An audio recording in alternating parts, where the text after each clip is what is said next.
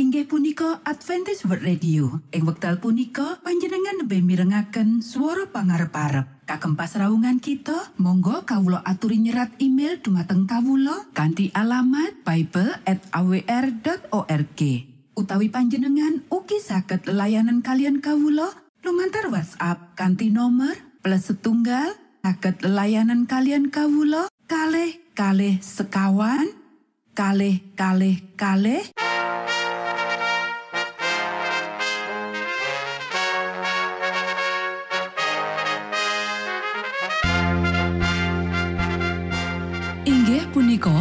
Adventist World Radio ingkang giaran kanti basa Jawi. Tentrem Rahayu kula aturaken kagem para mitra kinasih ing pundi papan lan panggonan. Sugeng pepanggian malih kalian Adventist World Radio. Kandi bingahing manah Kulo badi sesarengan kalian poro mitra kinasi. Lumantar saperangan adicara ingkang sampun rinonci. Mligi kagem panjenengan sami. Mugi giaran punika saged migunani tuwin dados berkah kagem kita sedoyo. Sugeng midhangetaken Gusti amberkahi.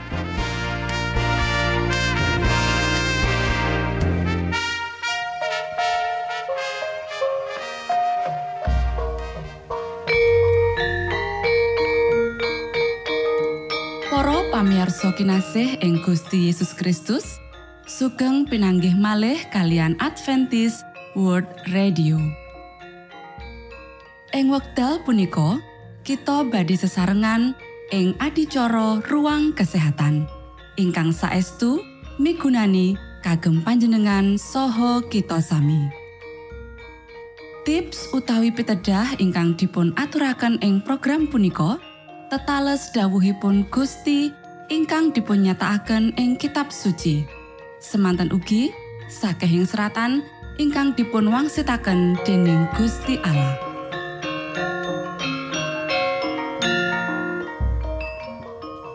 Nanging saderengipun monggo kita sami midhangetaken kidung pujian.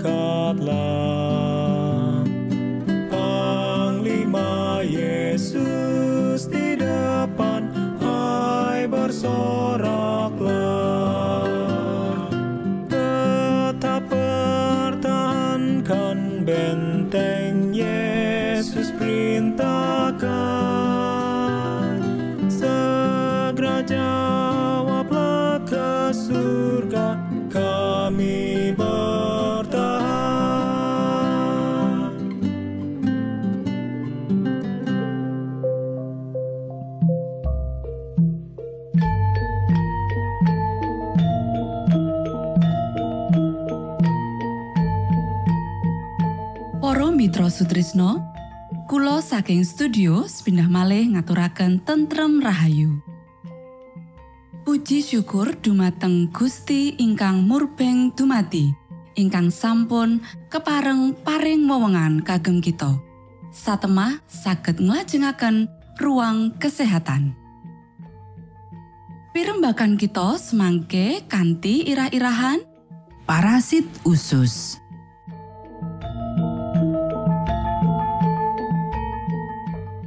Nuwun dumateng para pamirsa kakung saha putri ingkang dahat kinurmatan. Sugeng pebanggian malih kalian kula Isti Kurnaidi ing adicara tips kesehatan. Dinten punika kanthi irah-irahan parasit usus. Parasit yaiku organisme sing entuk panganan saka organisme liya. Parasit ing usus menungsa umume awujud cacing utawa organisme sel tunggal sing manggon ing usus kita. Parasit iki uga bisa urip ing papan liya ing awak kita. Nanging luwih seneng manggon ing tembok usus. Ing usus, parasit iki nggunakake getih lan produk sampah saka awak menungsa kanggo panganane. Parasit iki dadi masalah kanggo menungsa amarga menyebabake inflamasi ing usus, nyebabake diare lan awak ora bisa nyerep nutrisi saka panganan sing dipangan. Parasit usus uga bisa nembus tembok usus lan banjur nyebar lewat pembuluh getih menyang organ liya kayata ati lan paru-paru nyebabake leloro abot. Infeksi usus kaya iki minangka penyebab kapaten lan leloro nomor loro ing saindenging jagat. Nyebabake pati saka telung yuta wong saben taun. Para sederek, parasit ditemokake ing rereget menungso lan kewan lan kadang kala rereget iki bisa ngrusak banyu ngombe utawa banyu sing digunakake kanggo nyirami tanduran sing kita pangan. Wong sing manggon ing negara berkembang duweni resiko tambah gede infeksi parasit usus amarga banyu sing diombe bisa kena kontaminasi parasit kasebut amarga sistem pembuangan kang ora nyukupi. Golongan bocah-bocah uga duweni resiko amarga kena kontak karo rereget sing kena infeksi sing bisa ditemokake ing wedi lan ing papan dolanan sing digunakake. Sawetara golongan uga duwe tambah dhuwure resiko infeksi parasit. Pancen, Gusti Allah wis ngerancang sistem kekebalan awak kanggo nglawan infeksi kayata sing disebabake dening parasit. Nanging wong-wong sing kudu nggunakake steroid utawa obat-obatan liyane kanggo nglawan kanker, duwe sistem kekebalan sing saya ringkih. Dadi luwih gampang kena infeksi parasit. Kejaba iku, yen ana wong sing kena AIDS utawa kanker, kayata limfoma, sistem kekebalan awak uga saya ringkih lan resiko kena infeksi parasit usus saya munda. Para sederek kita bakal nyinau tondo lan gejala saka infeksi parasit usus. Tondo lan gejala saka infeksi umume kalebu diare enteng sing ana ilu suwene sawetara dina nganti sawetara minggu sawise infeksi. Kadangkala tahan saka sawetara dina nganti sawetara sasi. Weteng krasa kembung lan wong kasebut ngasilake gasing akeh. Ana uga mudhuni bobot awak, uga kulit dadi pucet. Amarga umume uga kedadian kurang vitamin, wong-wong iki gampang kesel lan ngalami kringkingen ing tangan lan ing sikil. Ing wektu iki emane ora ana gejala kanggo ngelingake wong sing kena infeksi babagan bebaya iki. Para sederek, yen panjenengan periksa menyang dokter, Piyambake bisa ngira-ira infeksi parasit saka riwayate diare sing suwe lan kembung. Dokter uga niti priksa sesuker apa ana getih ing jerone. Iki bisa menehi pituduh. Niti priksa getih uga bisa mbiyantu nemtokake antibiotik apa sing cocok kanggo parasit kasebut. Diagnosa saka infeksi iki bisa ditetepake kanthi mriksa diare kanggo ndeleng apa ana endhog parasit utawa parasite dhewe. Para sederek, pangobatan kanggo infeksi iki nggunakake obat antiparasit sing saiki kasedia. Obat-obatan iki kudu diresepake dening dokter lan pitutuh saka dokter kudu dituruti. Obat kaya iki umume kasil banget kanggo ngobati infeksi Nanging infeksi isih bisa kambuh maneh yen punjere infeksi tetep ora diilangi. Kita bisa kena infeksi parasit kanthi tetanggoran langsung utawa tetanggoran ora langsung. Saiki ayo padha nggatekake cara tetanggoran langsung. Ana telu cara tetanggoran langsung bisa nyebabake infeksi. Kapisan, cara sing paling umum ya iku panyebaran saka menungso menyang menungso. Iki kedadean nalika wong sing kena infeksi utawa kewan sing kena infeksi demek panjenengan. Tetanggoran iki bisa njalari parasit nyebar langsung saka kulit wong utawa kewan menyang kulit panjenengan. Kang kapindo, cara sabanjure ya iku tetanggoran karo sesuker menungso utawa kewan ingon-ingonan. Sesuker iki bisa ngemot parasit, salawase wong utawa kewan kasebut kena infeksi. Iki bisa terus nganti pirang-pirang wulan utawa malah tahun sawise gejala kasebut mandek.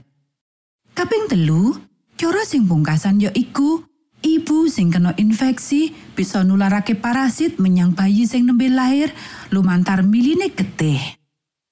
Para sederek saiki cara ora langsung. yaiku cara liya panyebaran parasit. Parasit tetep ana ing barang-barang kayata gagang lawang utawa gagang kran kanggo wektu sing suwe. Dadi, yen kita nyekel gagang lawang sing sadurunge dicekel dening wong sing kena infeksi lan ana parasit ing kulit tangane, mula parasit sing ditinggalake ing gagang lawang bisa pindah menyang tangan panjenengan. Sapanjure, yen panjenengan demek meripat, tutuk utawa irung sadurunge wisa tangan, sampeyan bisa kena infeksi. Cara penting liyane kanggo nyebarake parasit iki ya iku lumantar panganan lan banyu sing kena kontaminasi. Sayur-sayuran lan woh-wohan sing tuwuh nganggo banyu sing kena kontaminasi parasit bakal nampung parasit ing permukaane. Yen iki dipangan tanpa diumbah utawa dimasak, panjenengan bakal kena infeksi. Para sederek, apa sing bisa ditindakake kanggo nyegah infeksi parasit usus? Tadi perlu dieling menawa infeksi parasit bisa lumantar tetanggoran langsung karo parasit utawa lumantar tetanggoran ora langsung. Contone barang sing kena kontaminasi kayata panganan, banyu utawa limbah. Tadi, wisa nganggo sabun sawise nggunakake jamban lan sadurunge mangan. Wisui tangan bocah-bocah sawise dolanan ing jaba utawa ing papan umum. Yen arep mangan panganan mentah, pilih sing kulite bisa dionceki. Kumbah sayuran nganggo banyu sing resik lan masak panganan liyane sadurunge dipangan. Ngubah panganan nggunakake banyu resik bisa mbuang parasit sing ana ing lumahing panganan. Godhog utawa masak panganan bisa mateni parasit. Panganan sing beku utawa dikeluk ora mati saka parasit. Yen perlu panjenengan kudu godhog banyu dhisik sing arep digunakake kanggo ngumbah panganan. Nalika lelungan, mung ngombe banyu botol. Singkiri panganan sing akeh gula halus. Biasane iki ditemokake ing panganan olahan sing diproses kaping pirang-pirang, ing permen lan junk food sing ngemot gula. Gula olahan iku panganane parasit. Cara liya kanggo nyekak infeksi yaiku aja nganggo barang liyan utawa nganggo barang bebarengan karo wong liya. Barang-barang resik pribadi kayata sikat untu, jungkat, alat cukur, gelas ngombe utawa alat mangan liyane. Para sederek, yen panjenengan wis diobati amarga infeksi parasit, priksa maneh kanggo mesthekake menawa parasit wis ilang. Tindakake pitutur dokter kanthi ngati-ati supaya panjenengan ora kudu ngalami infeksi maneh. Amarga menawa panjenengan ngalami infeksi parasit kaping pindho, biasane bisa nyebabake masalah kesehatan sing nemen.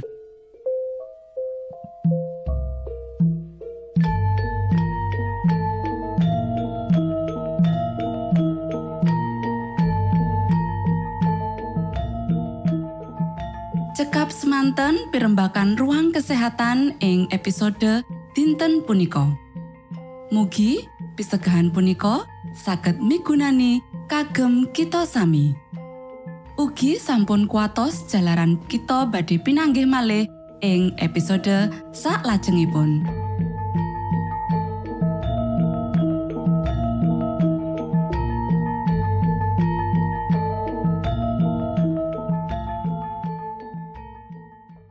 Inggih punika adicara ruang kesehatan.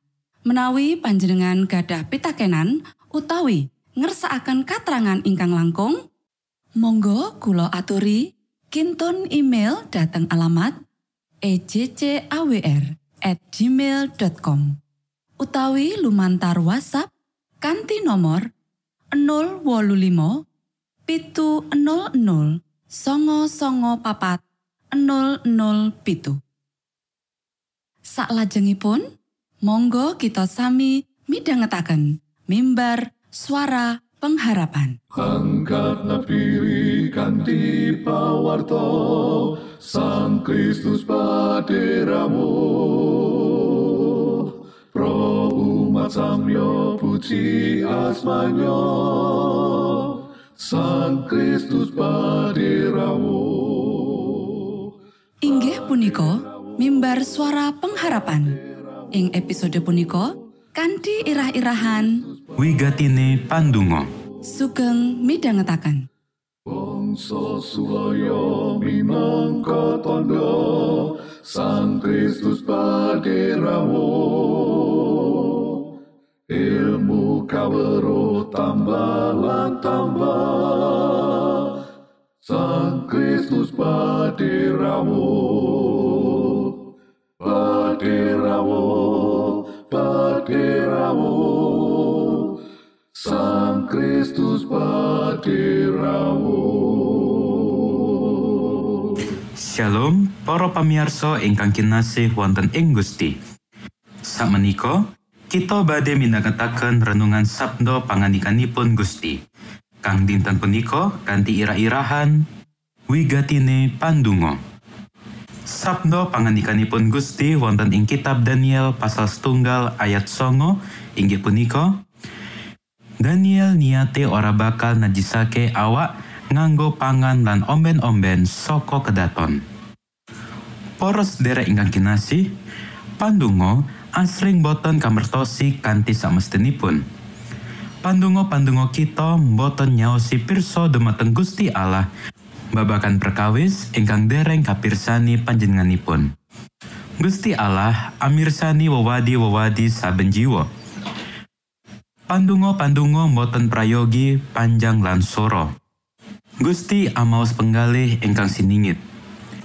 Kita paring andedungo kanthi sesideman, lan panjenenganipun ingkang mirsani wewadi badhe mireng lan paring wangsulan kanthi tinorbuka. Pandungo boten kapamrihaken supados damel owahan-owahan punapa kemawon menggah Gusti Allah. Pandungo andadosaken kita menika sarujuk salaras kalian Gusti Allah. Boten angatosaken jejibahan. Pandungo boten badhe anyaur utang-utang kita dumateng Gusti Allah. Abdi-abdinipun Sang Kristus kedah gumantung dumateng Gusti Allah kados dene Daniel wonten ing kedaton Babel. Daniel pirsa ajinipun pandungo ancasipun lan eneripun. Lan pandonga-pandonga ingkang dipun aturaken sesarengan para sekabatipun dumateng Gusti Allah Saksampunipun pinilih dening Gusti, noto kagem kedaton Babel sampun kawangsulan. Wonten saperangan tetawan sanesipun ingkang kaasta dumateng Babel. Tiang-tiang menika Gusti Allah keparengaken kacrah-cerahaken saking keluarganipun lan kaasta dumateng nagari ingkang manembah ing Braholo. Amargi piyambakipun lajeng kuwolo anyunengaken manah dumateng panembahan Braholo. Gusti Allah marengaken tiang-tiang pikantuk sedaya ingkang dipun pikajengaken awit pakulinteran manembah braholo ing Babel. Kados dene hikmating donya mirsani menggah sedaya prakawasipun. Daniel tuwin tetigo sakabatipun anggadai sedaya kauntungan ingkang kacawisaken wonten ing Babel. Namung wonten ing mriki menika pedadaran ageng samangke badhe dateng. Pambangun miturutipun samangke badhe congkrah kalawan uger-uger landawipun sang noto. Daniel lan tetigos sekabatipun boten mendet ketetapan bilih amargi dedaharan dan unjukan meniko dawuhipun sang noto. Promilih injih jejibahanipun kedah nampi menopo ingkang dados bagianipun. Piyambakipun donga akan perkawis meniko tuwe nyinauni kitab suci. Pawiyatanipun sampun dados kados dene kapribaden satemah panjenenganipun rumaos sinaosa wonten ing tetawan namung Gusti Allah menika papanipun sumende. Saliranipun Daniel lan segabatipun menika kados lumrahipun sedaya kawula muda. Panjenenganipun menika keba ing totok Romo manah ingkang prayogi sikap hormat anggadai alusing budi lan andap asor. Poros nderek ingkang kinasih, nalika kita kinepung dening pamlituk ingkang nebihaken kita saking Gusti Allah, pandonga-pandonga kita kagem nyuwun daya miwah pitulungan kedah datan wonten bosenipun. Menawi boten mekaten, kita boten badhe nati kuwawi angrubuhaken raos gumunggung tuwin ngraosaken panggoda tumrap kekareman dedosan ingkang nebihaken kita saking juru wilujeng. Monggo kita sami dedonga. Duh Romo kawula ingkang wonten ing swarga, asma paduka mugi kasucaaken. Kraton paduka mugi rawuh. Karso paduka mugi kalampahan wonten ing bumi kados dene wonten ing swarga. Kawula mugi kaparingan rejeki kawula sakcekapipun ing dinten punika. Soho patuko mugi ngapunten kalepatan kawulo, kados dene kawulo inggih ngapunteni tetiang ingkang kalepatan dateng kawulo. Punopo dene kawulo mugi sampun ngantos katanduaken dateng ing panggoda nanging mugi sami paduka uwalaken saking piawon. Awit dene paduka ingkang kagungan kraton saha wisesa tuwin kamulyan salami laminipun. Amin.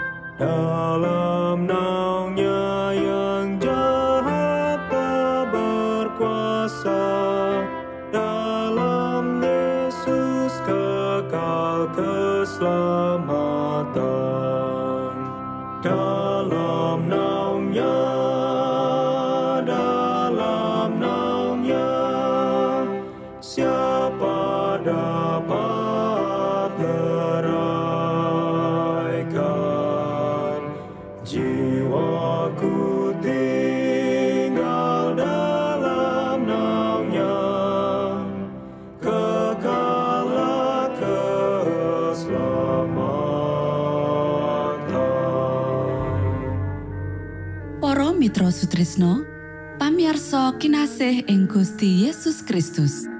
Sampun paripurno pasamuan kita ing dinten punika. Inggih awit winatesipun wekdal pramila kita pisah sawetawis.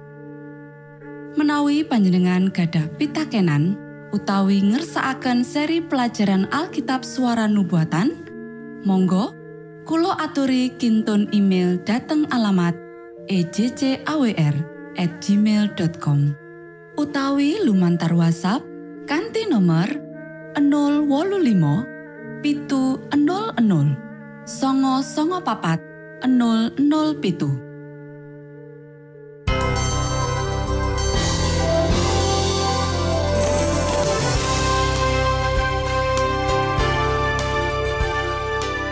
Matur nuwun kagem wektalipun kita badhe pinanggih malih ing gelombang ugi wekdal ingkang sami.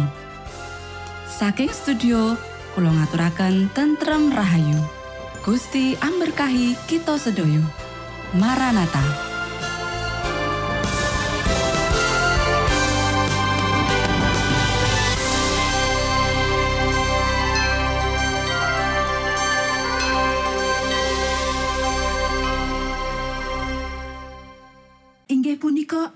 Adventist Radio. Ing wekdal punika panjenengan lebih mirengaken suara pangarep-arep. Kagem pasraungan kita, monggo kawulo aturi nyerat email dumateng kawulo kanti alamat bible.